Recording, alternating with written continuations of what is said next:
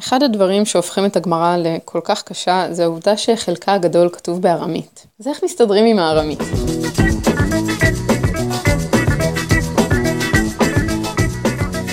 לאורך השנים העצה ששמעתי הכי הרבה הייתה, את לא צריכה לנסות ללמוד ארמית במיוחד, את פשוט תתפסי את זה על הדרך. אמנם יש בזה אמת, אבל העצה הזאת הייתה מאוד מתסכלת.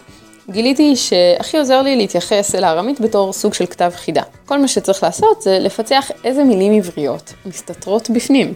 אז בואו נדבר על כמה עקרונות שיכולים לעזור לנו.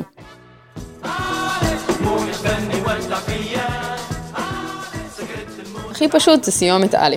כל פעם שרואים א' בסוף מילה, תנסו רגע להוריד אותה. לחמה, בלי א', לחם. ספרא וסייפה, וכמובן ספר וסייף. הבא בתור זה ההתחלות של המילים. ד' בתחילת מילה זה כמו ש או של, כמו מילתא דבדיחותא, כלומר דבר של בדיחה. א' בהתחלה זה על, כמו במילה אגב, כלומר על גב.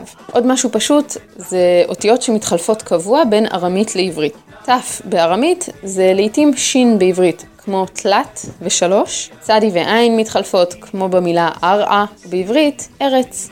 ד' היא זין, דהב זה זהב, וגם צדי וט' מתחלפות, כמו במילה קיץ, שבארמית אומרים אותה קייטה. משהו שתראו המון בגמרא זה סיומת י' ה'. אומרים את זה אה, וזה פשוט אומר שלא, כמו בקדיש, התגדל והתקדש שמי רבה, כלומר השם שלו. בעלמא דיברה קירותי והמליך מלכותי ואצמח פורקני ויקרב משיחי, כלומר המשיח שלו.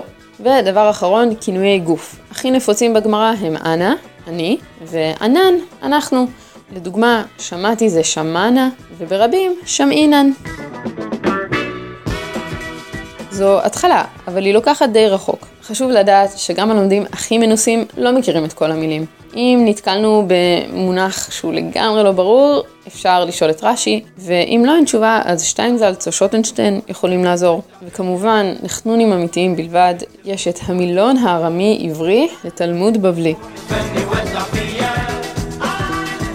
משהו שנחמד לדעת, ברחבי המזרח התיכון קיימות עדיין קבוצות שדוברות ארמית. בירושלים למשל חיים בעיר העתיקה משהו כמו אלף אשורים שדוברים ארמית. הארמים מהגליל שלאחרונה קיבלו הכרה כלאום עושים מאמץ מאוד גדול לחזור לשפה. יצא לי לפגוש את החבר'ה האלה והופתעתי לגלות עד כמה הארמית הסורית שלהם שונה ממה שאני מכירה מהגמרא. גם לארמית יש ניבים. הארמית של התלמוד הבבלי שונה מזו של התלמוד הירושלמי, שנקראת ארמית גלילית. לא דומה ארמית של ספר הזוהר לארמית של ספר דניאל. וזו כמובן ארמית שונה לגמרי ממה שמדברים זקנים כורדים. ואם תהיתם, אז כן, יש ויקיפדיה גם בארמית.